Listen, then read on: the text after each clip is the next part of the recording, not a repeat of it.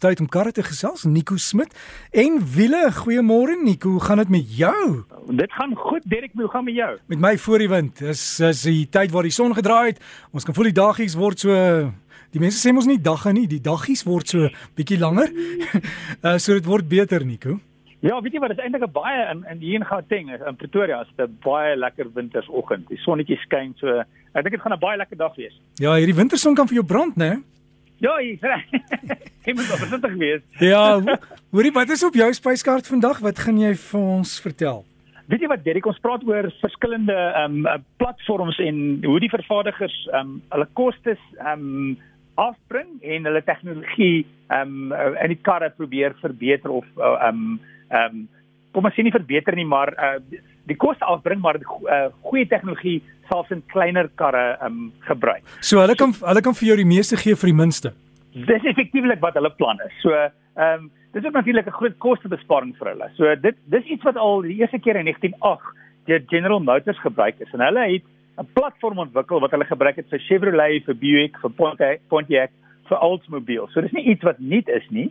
Ehm um, en uh, want ek het nou in die week gelees um, Mazda het 'n nuwe platform. Hulle noem dit Sky Active Multi-Solution Scalable Architecture. En en wat wat 'n platform beteken is jy deel baie dele of uh, kom ons sê gedeeltes wat jy nie kan sien nie word gedeel. Byvoorbeeld die die suspensie van die kar, die engine, die ratkas en die kragstuur word gedeel. En natuurlik kom ons sê die die rekenaar as jy so daaraan wil dink die die brein word ook ook gewoonlik gedeel. So in ander woorde goeders wat jy nie kan sien nie, jy sal byvoorbeeld vir 'n platform dieselfde engine en ratkas gebruik en jy kan dit dan in 'n kleiner voertuig gebruik of ehm um, die platform dan kan langer wees of korter wees of hoër of laer. Dink amper aan soos 'n Lego karretjie. As jy 'n Lego karretjie bou, kan jy hom een blokkie langer maak of twee blokkies langer maak of korter maak of jy kan jou jou Lego karretjie wyer maak of nouer maak of hoër maak of laer maak dis wat 'n platform doen. So onder die, die wat jy nie sien nie um, word gedeel en dan kom ons noem dit die dop aan die buitekant. Die idee is dan om dit anders te hê. Ehm, 'n um, Maklike voorbeeld van dit um, is byvoorbeeld Volkswagen se as, as jy kyk na Volkswagen Polo is presies dieselfde platform as 'n Volkswagen Tiguan. En die nuwe kombi wat gaan wat wat ons gaan sien wat seker oor 'n jaar en 'n half in Suid-Afrika bekend gestel word, is ook daai selfde platform. Die platform van Volkswagen is MQB. So die platform, um, alhoewel die voertuie aan die buitekant anders lyk is gewoonlik in hierdie geval is presies dieselfde. Nissan byvoorbeeld praat van 'n uh, 'n nuwe platform, ehm um, dis die CMF-C en baie maal in meeste van die platforms is die engine posisie dieselfde. Met ander woorde, vir vir 'n kar se engine kry ons ehm um, twee algemene posisies. Dis of dwars gemonteer, met ander woorde die engine se dwars of reguit gemonteer, so die engine sit amper weg van die bestuurder af. Engines is gewone kleiner tipe karretjies. Ehm um, dis gewone groter karre. So wat die Sky Active anders maak hierdie nuwe platform van uh, van van ehm um, Mazda is dat dit dwars gemonteer en reguit gemonteer kan wees. Dit kan voorwiel aangedrewe en agterwiel aangedrewe. Dis vir elektries en dis vir binnebrand engine. So in die geval van die van die Nissan platform, ekskuus, um, van die um, Mazda platform, praat hulle van baie meer verskillende tipe voertuie. So die voordeel natuurlik soos ek gesê, dis kostebesparing.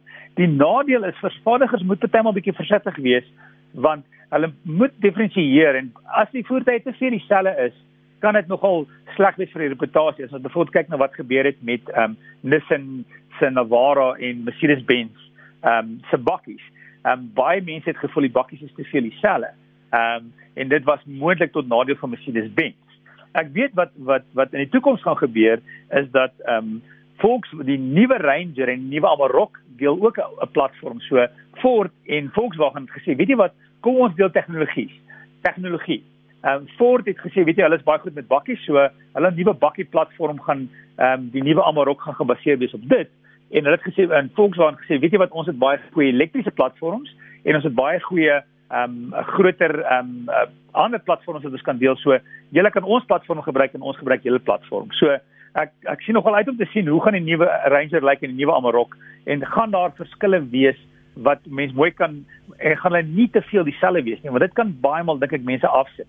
Natuurlik die voordeel is as jy 'n goeie engine in een het en jy deel die engine met al twee. So kom ons kyk maar in die toekoms wat gaan gebeur, maar die kans is baie goed dat jy nou 'n klein karretjie ry, byvoorbeeld die nuwe C-klas is in dieselfde platform as die nuwe S-klas. So jy besef dit nie as jy kar ry nie, maar jy het dieselfde platform.